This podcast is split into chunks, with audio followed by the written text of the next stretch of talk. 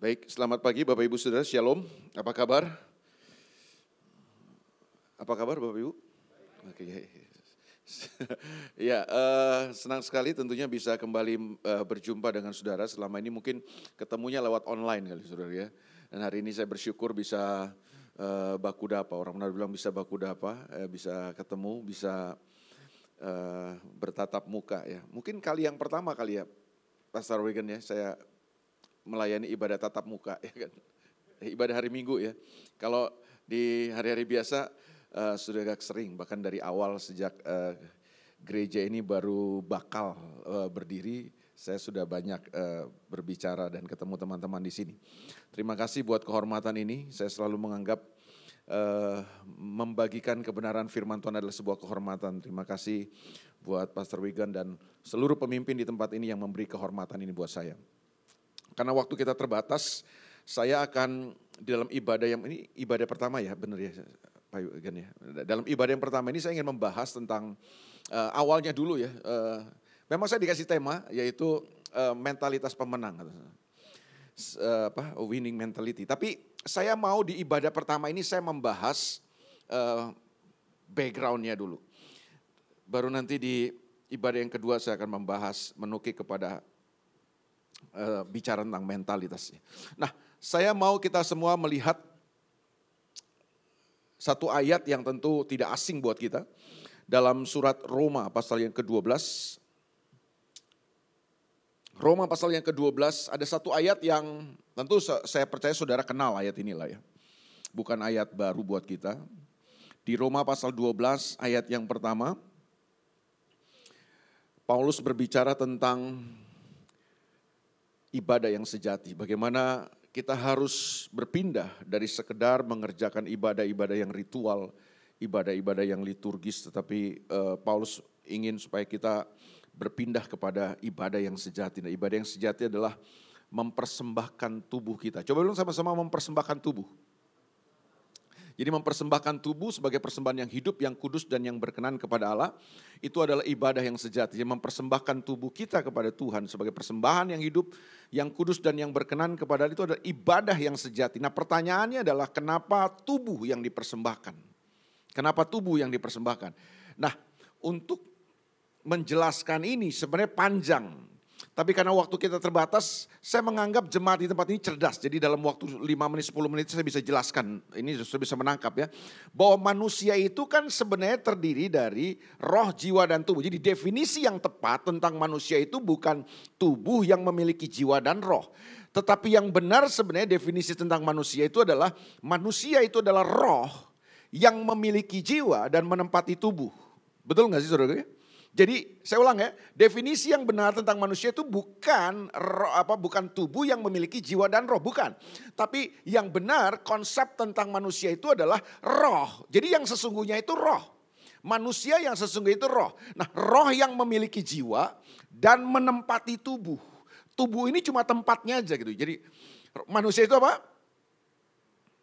Roh yang menempati roh yang memiliki jiwa dan menempati tubuh. Nah tadi katanya ibadah yang saya itu mempersembahkan tubuh. Kenapa tubuh?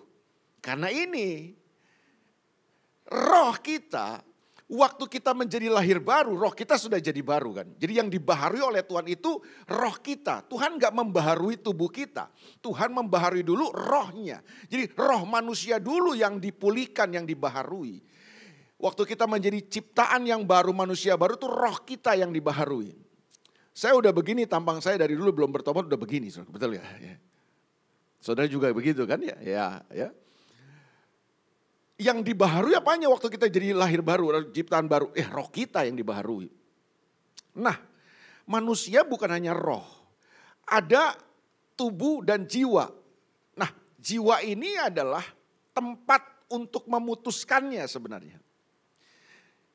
Jadi roh yang sudah dibaharui kemudian mengirimkan atau mendeliver sesuatu kepada jiwa kita. Nah di area jiwa inilah sebenarnya pertempuran di dalam kehidupan kita. Saudara akan menang atau tidak menang itu ada di situ sebenarnya. Di jiwa. Makanya saya ingat ada seorang yang seorang hamba Tuhan yang besar yang dipakai Tuhan dengan luar biasa, namanya John Austin. Dia berkata begini, pikiran, nah pikiran itu ada di jiwa kan. Pikiran itu katanya adalah medan pertempuran terbesar dalam kehidupan kita. Siapa yang bisa menguasainya, dialah yang akan menentukan, dia akan mempengaruhi, dia akan mendrive segala tindakan-tindakan kita. Jadi saya ulang sekali lagi, roh waktu kita percaya kepada Yesus itu sudah dibarui itu.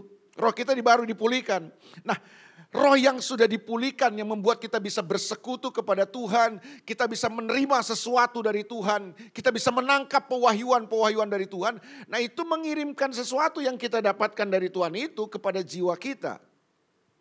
Nah, di sini nih pertempurannya dan Paulus menjelaskan itu dalam surat Galatia dengan bagus bahwa di dalam kehidupan kita itu ada dua kekuatan yang bertempur kan, kekuatan roh dan kekuatan daging. Kekuatan daging itu ada di tubuh kita kan. Nah, kekuatan roh dan kekuatan daging ini bertempur di mana? Di jiwa itulah. Makanya di jiwa itu ada apa? Ada pikiran, ada perasaan, ada kehendak. Itu area jiwa kita, itu medan pertempuran kita tuh. Nah pastikan kita menang di situ tuh. Supaya kemudian waktu di jiwa kita menang, Tuhan kerajaannya, pemerintahannya yang menguasai area jiwa kita, karena roh kita yang kuat, roh kita yang sudah dibarui, yang yang menangkap sesuatu dari Tuhan itu, maka dialah akan mempengaruhi. Jadi kekuatan roh dan jiwa yang mempengaruhi jiwa ini akan mempengaruhi tubuh kita. Itu sebabnya tubuh ini kan apa sih? Tempat pelaksanaan daripada kehendak Tuhan yang sudah diproses lewat roh dan jiwa kita ini. Masih bisa mengikuti saya nggak Bapak Ibu? Agak susah ya nangkapnya pelan-pelan aja. Kalau belum mengerti nggak apa-apa. Saya berdoa supaya Roh Kudus membuat Anda mengerti. Makanya tadi dikatakan dalam Roma pasal 12 ayat 1, persembahkanlah tubuh. Kenapa tubuh yang harus dipersembahkan? Karena tubuh inilah tempat pelaksanaannya sebenarnya. Jadi intinya begini kesimpulannya, Tuhan mau tubuh kita ini harusnya menjadi tempat di mana kehendak Tuhan dilaksanakan dalam kehidupan. Nah bagaimana tubuh bisa melaksanakan kehendak Tuhan? Nah itu prosesnya di roh dan jiwa itu. Roh kita yang sudah dibaharui, roh ini kan selalu kesadarannya akan Tuhan kan gitu kan. Tubuh ini kesadarannya akan materi, akan hal yang lahiriah. Nah jiwa ini adalah kesadarannya kepada diri kita. Nah makanya kalau kekuatan roh dalam diri kita menguasai area jiwa kita. Itu yang bisa membuat akhirnya gini, kita bisa menjadi orang-orang yang melaksanakan kehendak Tuhan lewat tubuh kita. Oke ya, itu yang saya bilang tadi menjelaskannya sebenarnya panjang lebar. Saya nggak mau habis waktu banyak di situ. Saya mau masuk kepada ayat yang kedua karena saya mau membahas ayat yang kedua kepada saudara dari Roma pasal 12 ayat yang kedua. Jadi Roma pasal 12 ayat 1 Paulus memberitahu bagi itulah ibadah yang sejati. Ibadah yang sejati adalah mempersembahkan tubuh kita sebagai persembahan yang hidup, yang kudus dan yang berkenan kepada Allah. Jadi tubuh harus menjadi tempat di mana kehendak Tuhan dilaksanakan gitu loh. Jadi sebagai tempat pelaksanaan kehendak Tuhan. Nah, dia masuk ke ayat yang kedua. Bagaimana bisa terjadi seperti itu? Bagaimana supaya kehidupan kita bukan sekedar mengerjakan ibadah-ibadah yang ritual, tapi kita menjadi orang-orang yang mengerjakan ibadah yang sejati. Ayat 2 dia berkata gini, janganlah kamu menjadi serupa dengan dunia ini. Jangan jadi serupa dengan dunia ini. Kamu jangan terkonfirmasi dengan dunia. Itu bahasa Inggris menggunakan kalimat itu tuh. Jangan kamu terkonfirmasi dengan dunia ini. Jadi gini, kalau dunia ini penuh dengan ketakutan hari-hari ini, kalau dunia ini didrive dengan ketakutan, ketakutan dan kekhawatiran, ya kamu jangan dong gitu. Kita nggak boleh sesuai dengan dunia ini. Kalau dunia ini penuh dengan kepalsuan, kita nggak boleh begitu tuh. Jadi kan dunia itu kan bukan bicara tempat tinggal kita kan. Dunia itu bicara tentang sistem dan nilai-nilai kehidupannya itu. Kita masih ada di dunia, kita masih bekerja di dunia, kita masih melayani di dunia, kita masih bisnis di dunia, kita masih lakukan apa pun di dunia ini. Tapi kita nggak boleh terkonfirmasi dengan sistem dunia ini itu loh maksudnya. Kita mesti berbeda. Nah yang rusak Kalau gereja sama dengan dunia. Jadi sistem yang dipakai dunia, nilai yang dipakai dunia, prinsip-prinsip yang digunakan dalam dunia masuk ke dalam gereja. Kita nggak boleh katanya. Kita mesti berbeda. Karena kerajaan Allah sangat berbeda dengan kerajaan dunia ini gitu kan. Janganlah kamu menjadi serupa dengan dunia ini. Lalu kemudian dia berkata begini, bagaimana supaya kita nggak bisa, bagaimana kita tidak terkonfirmasi dengan dunia ini? Kalimat berikutnya dia katakan gini, tetapi berubahlah. Katakan sama-sama berubahlah. Nah itu dia tuh. Berubahlah, kata berubahlah di situ dalam bahasa aslinya itu dipakai kata metamorpo. Saya tidak terlalu menguasai bahasa Yunani sebenarnya. Jadi kalau saudara mau tanya, tanya bahasa Yunani tanya sama Pastor Wigan lah. Lebih menguasai dia dari saya. Saya cuma belajar dikit-dikit aja. Saudara juga bisa cari di Google. Saudara bisa cari kata metamorpo itu artinya apa sih? Kan dari kata itu muncul satu kata yang kita kenal. Metamorfosa. Oke? Kata metamorfosa saudara pasti tahu dong. Kalau saya kata metamorfosa saudara mungkin nggak ngerti. Tapi kalau saya katakan metamorfosa saudara pasti paham. Metamorfosa itu apa? Perubahan wujud yang signifikan. Jadi perubahannya bukan perubahan tipis-tipis, bukan. Tapi metamorfosa itu perubahan yang signifikan, Pak. Perubahan yang signifikan, perubahan wujud yang signifikan lewat sebuah proses. Jadi bukan perubahan instan, metamorfosa itu bukan perubahan instan. Jadi perubahan lewat sebuah proses. Nah ini dia. Bukan sekedar perubahan yang signifikan dan lewat sebuah proses kan. Tapi perubahan yang signifikan lewat sebuah proses ke arah yang lebih bagus. Ke arah yang lebih baik, ke arah yang lebih indah. Metamorfosa itu tuh. Jadi kalau perubahannya ke arah yang lebih buruk itu bukan metamorfosa Pak. Metamorfosa itu adalah perubahan wujud yang signifikan lewat sebuah proses ke arah yang lebih bagus, ke arah yang lebih indah. Contoh perubahan metamorfosa itu kan kita sama-sama tahu tuh terjadi pada kupu-kupu kan. Dari telur yang kecil itu berubah wujud secara signifikan lewat sebuah proses menjadi ulat. Ya, sudah bisa lihat perubahannya dari telur jadi ulat. Lewat sebuah proses, signifikan dong perubahannya. Tapi ke arah yang lebih bagus kan. Dari ulat lewat sebuah proses berubah menjadi kepompong. Dan dari kepompong lewat sebuah proses berubah menjadi kupu-kupu yang indah. Kita mesti ngalami metamorfosa gitu tuh katanya. Supaya kita nggak selalu jadi sama dengan dunia ini. Mungkin waktu saudara belum menjadi ciptaan yang baru, saudara mungkin hidup dengan nilai, dengan sistem yang ada dalam dunia ini. Tapi hari ini kita mesti beda dong. Beda. Gereja mesti beda. Bukan sembarang beda kan. Bedanya di mana Pak? Bedanya di situ. Bedanya harusnya gini, kita tidak hidup dengan sistem dunia. Kita tidak hidup dengan nilai-nilai dunia ini. Kita harus hidup dengan prinsip dan nilai-nilai kerajaan Allah. Itu yang berulang kali saya sampaikan. Bahwa bicara tentang kerajaan itu bicara sistemnya. Setuju nggak saudara bahwa sebuah sistem itu bisa mempengaruhi sikap dan tindakan kita. Sebuah sistem itu punya atmosfer Pak. Dan atmosfer itu bisa mempengaruhi. Contoh yang paling sederhana aja gini. Saudara di Jakarta kan kita sering kali temukan gitu kan. Di Jakarta itu pemerintah sudah bangun jembatan penyeberangan, JPO, jembatan penyeberangan orang. Ada zebra cross, udah disiapin. Tapi kita ketemu di Jakarta kan banyak orang sudah disiapin jembatan penyeberangan, nyebrang jalannya sembarangan tetap. Betul ya saudara? Tapi begitu orang yang sama itu, saya nggak mau bilang saudara lah ya kan, nggak enak lah kan. Orang yang sama itu bisa ke luar negeri, nggak usah jauh-jauh lah, bisa ke negara tetangga kita, ke Singapura. Pertanyaan saya, orang yang sama yang nyebrang jalan sembarangan di Jakarta itu, di Singapura bisa nyebrang jalan sembarangan nggak? Kenapa dia bisa tertib Pak? Kenapa? Karena ada sebuah sistem yang sedang mempengaruhi tindakan-tindakan dia. Balik lagi ke Indonesia, ke Jakarta. Nyebrang jalan sembarangan lagi enggak?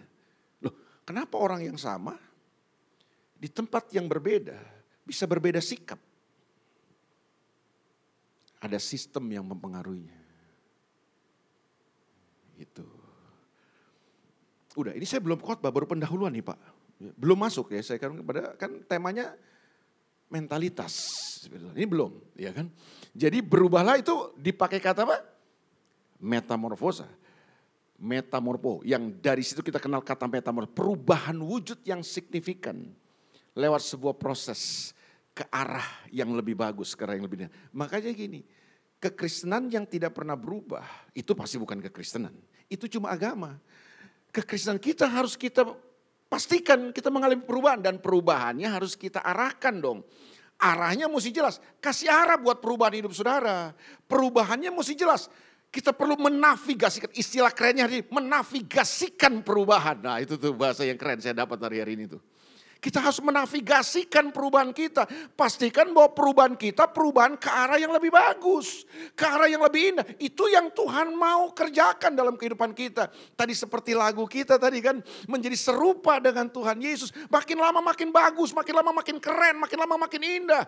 Itu perubahan yang harus terjadi. Supaya kemudian kita tidak terkonfirmasi dengan dunia ini. Nah bagaimana supaya kita berubah dan tidak serama dengan dunia, tidak serupa dengan dunia ini.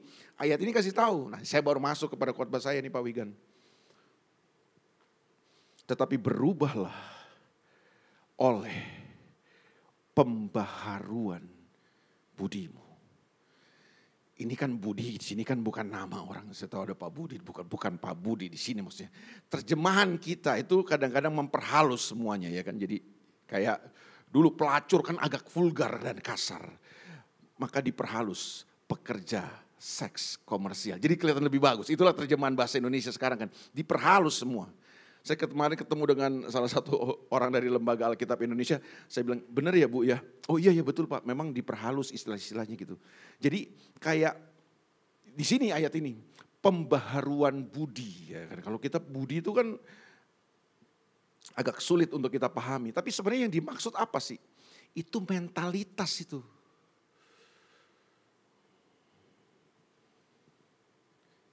Persoalan terbanyak dari kekristenan kita adalah roh kita sudah diubahkan, sudah dibaharui, tapi di sisi mentalitas kita masih banyak belum berubah.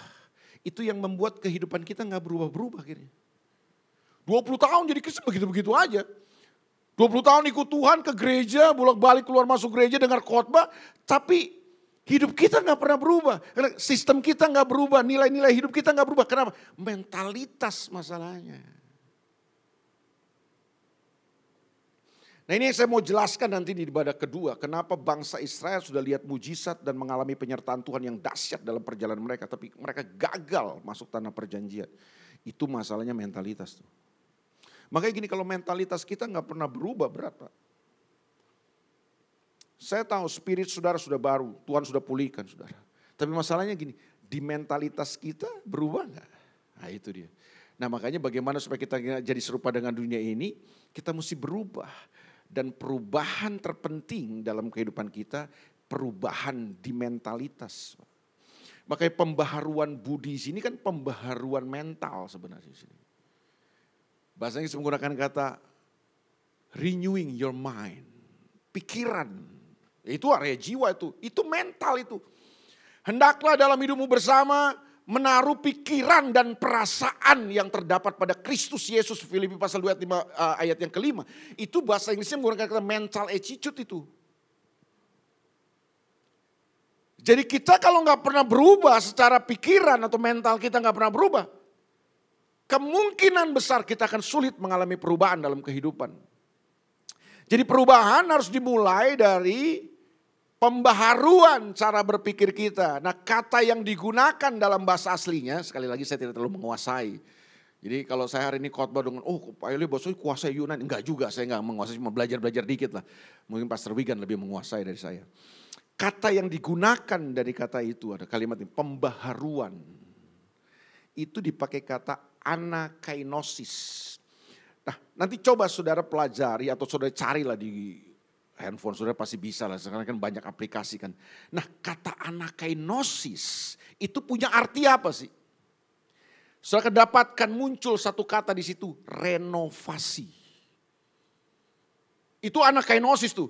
Jadi Bagaimana kita bisa berubah supaya kemudian kita tidak menjadi serupa dengan dunia ini dan kita jadi pribadi-pribadi yang bisa mengerjakan ibadah yang sejati dalam kehidupan, kita harus mengalami anakainosis. Anakainosis itu apa? Renovasi. Katakan sama-sama renovasi. Sudah kenal nggak kata renovasi ini? Sudah pernah melakukan renovasi rumah misalnya atau bangunan? Pertanyaan saya gini, apa alasan kita melakukan renovasi biasanya? Ada yang bisa bantu saya? Apa alasan kita melakukan renovasi biasanya? Ya? Karena ada kerusakan. Biasanya kalau ada kerusakan kita renovasi dong, betul gak surga? Karena ada yang rusak, ada yang salah, perlu direnovasi. Alasan yang lain apa?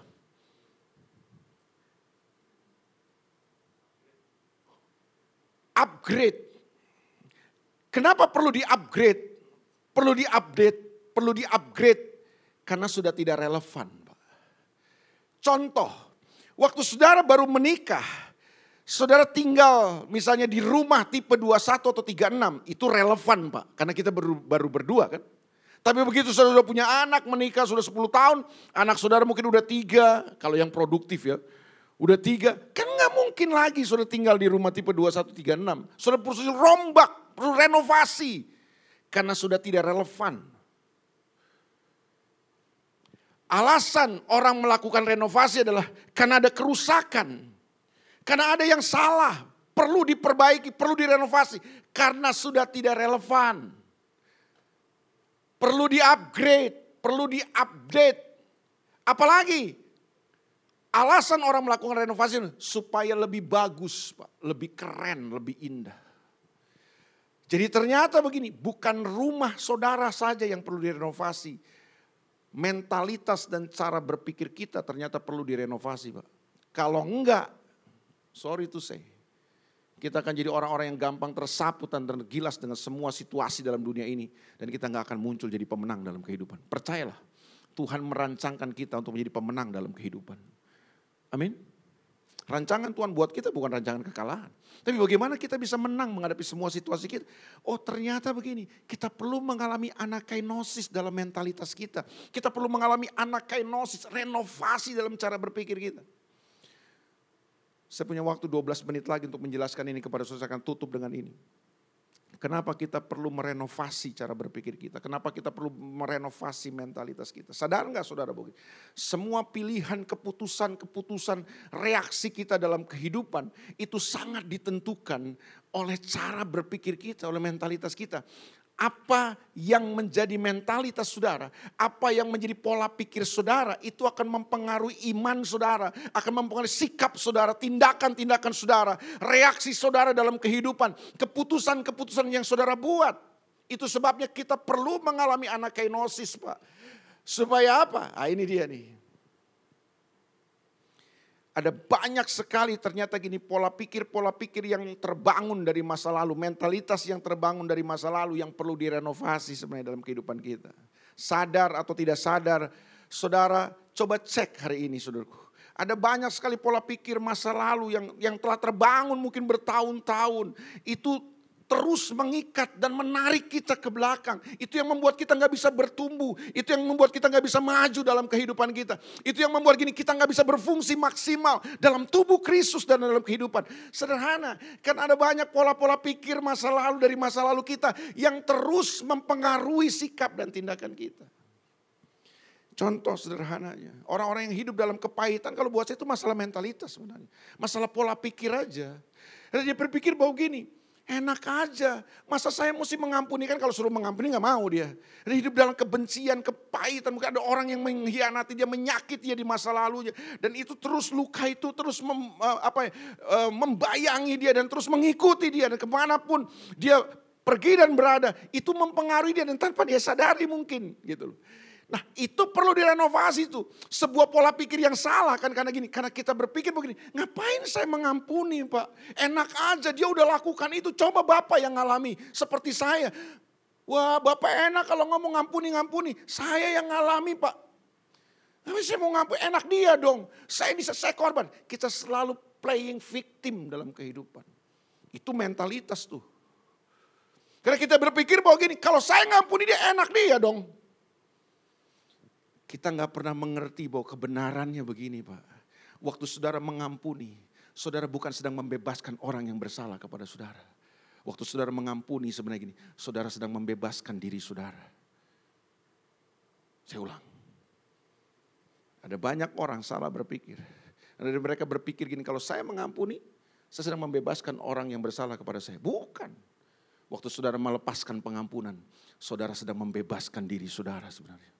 Dari sebuah penjara dan belenggu yang sangat mengerikan yang namanya kepahitan. Nah, kalau saudara nggak mengalami renovasi dalam cara berpikir saudara, itu yang membuat kita nggak akan muncul jadi pemenang dalam kehidupan.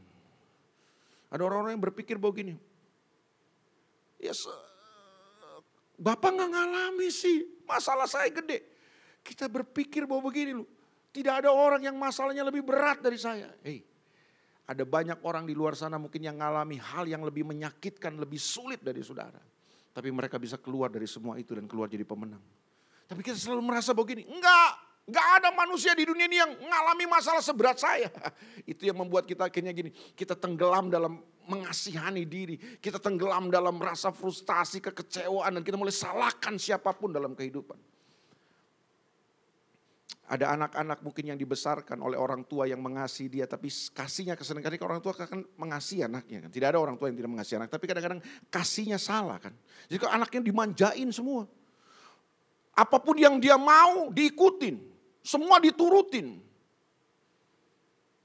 Anak ini tumbuh dengan sebuah pola pikir dan mentalitas. Keinginan saya penting.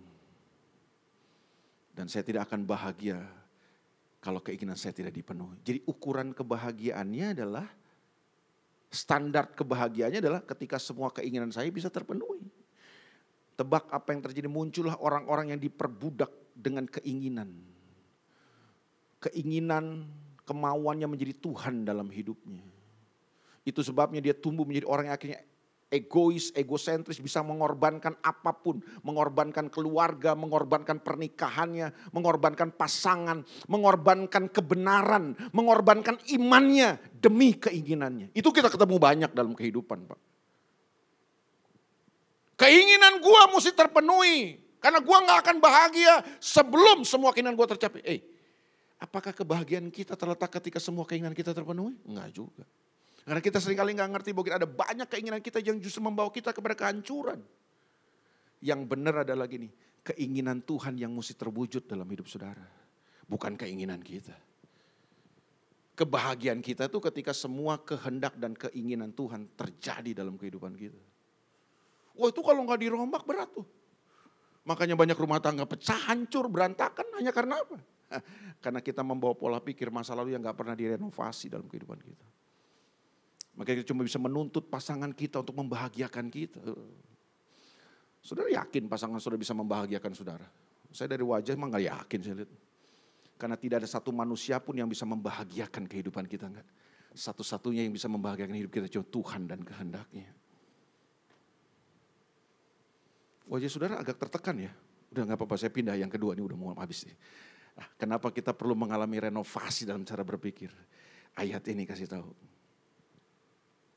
sehingga kamu dapat membedakan. Eh, mana ya tadi ayatnya?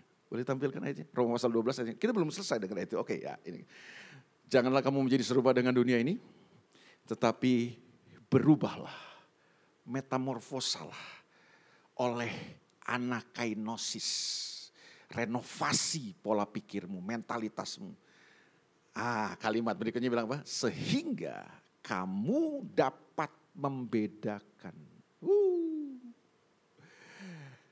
Manakah kehendak Allah? Apa yang baik, yang berkenan kepada Allah, dan yang sempurna. Kalau ada satu kemampuan yang penting untuk saudara miliki di akhir zaman ini, saya ingin pastikan kemampuan itu adalah kemampuan untuk membedakan. Nah, itu penting.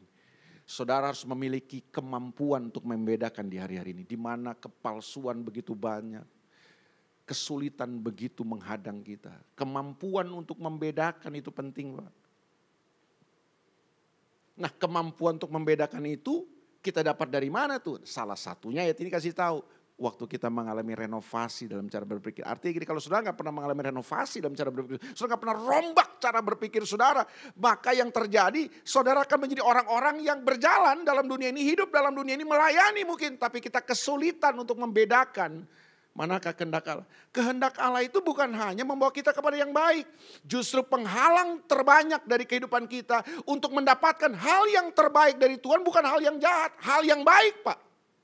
Karena yang baik belum tentu benar, yang baik belum tentu berkenan. Kehendak Allah tidak hanya membawa kita kepada hal-hal yang baik, tetapi hal-hal yang berkenan dan sempurna di hadapan Tuhan. Saya ingat sebuah surat yang Tuhan berikan kepada jemaat, salah satu jemaat di dalam kitab Wahyu ada tujuh jemaat yang mendapat surat. Salah satu jemaat itu mendapat surat dari Tuhan dan Tuhan menegur keras jemaat ini. Kalau nggak salah jemaat Pergamus kalau nggak salah, saudara bisa periksa sendiri lah. Tuhan bilang, aku tahu semua yang kau lakukan. Aku tahu pekerjaanmu. Tapi aku mendapati semua yang kamu kerjakan. Tidak ada yang sempurna, kata Tuhan.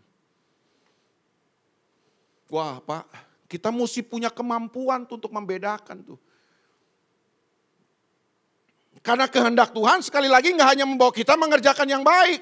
Kalau yang baik, so, cuma yang baik yang kita kerjakan. Di luar sana, Haji Usman, Haji Mansur juga berbuat baik. Tapi kita bukan sekedar baik dong. Apa yang kita kerjakan baik, tapi juga berkenan kepada Tuhan. Pertanyaannya, bos, apakah berkhotbah menyampaikan firman Tuhan ini menurut saudara ini pekerjaan yang baik? Baik kan? Pertanyaannya, berkenan kepada Tuhan? Jawabannya belum tentu. Untuk saya bisa membedakannya, saya mesti merombak cara berpikir saya. Wah pandemi ini telah banyak mengajar kita dong. Wow dulu bangga kan punya jadwal khotbah banyak kan, woi dahsyat kan. Pendeta dia dianggap diberkati dipakai Tuhan dari mana? Jadwal. Pandemi datang. Gak ada jadwal pak. Makanya pendeta-pendeta yang bergantung sama jadwal yang menjadikan memberhalakan jadwal pelayanan lebih daripada Tuhan. Wah, harus mengalami renovasi Pak. Bahwa ternyata gini, pelayanan yang cuma-cuma khotbah-khotbah begini, wah bisa sepi Pak. Bisa tersapu. WL, ya kan? Benar ya berada ya, WL, pemusik, oh itu ngalami tuh. Wah, kita selama ini kan bangga dulu sebelum pandemi, wah jadwal, wah padat merayap. Seperti kayak jalanan di Jakarta kan, padat merayap. Dan kita bangga. Wah ternyata pandemi datang, merombak banyak Pak. Segini, harus ada pelayanan-pelayanan yang esensi yang perlu kita kerjakan ternyata. Mampu sudah membedakan apa yang baik, yang berkenan kepada Allah yang sempurna. Membedakan yang esensi dan yang aksesoris. Itu perlu kemampuan. Nah ini nggak bisa saudara dapat di bangku kuliah, nggak bisa. Ini saudara bisa dapat ketika sudah mengalami renovasi dalam cara berpikir. Pandemi ini mengajarkan banyak. Gereja berlomba-lomba bangun gedung yang megah. Wah, ada satu gereja yang eh, saya nggak perlu sebut namanya. Nanti saudara pasti saudara tahu. Wah, bangun kapasitas 20 ribu orang. Pandemi datang. Mereka harus mereset ulang lagi semua planning mereka, rencana mereka. Berat Pak. Karena saya percaya Tuhan mau bawa kita untuk mengerjakan hal yang esensi. Bukan yang aksesoris. Mana yang esensi? Tangan atau jam tangan? Banyak orang lebih milih jam tangan kan. Upayakan jam tangan, tangan yang nggak ada.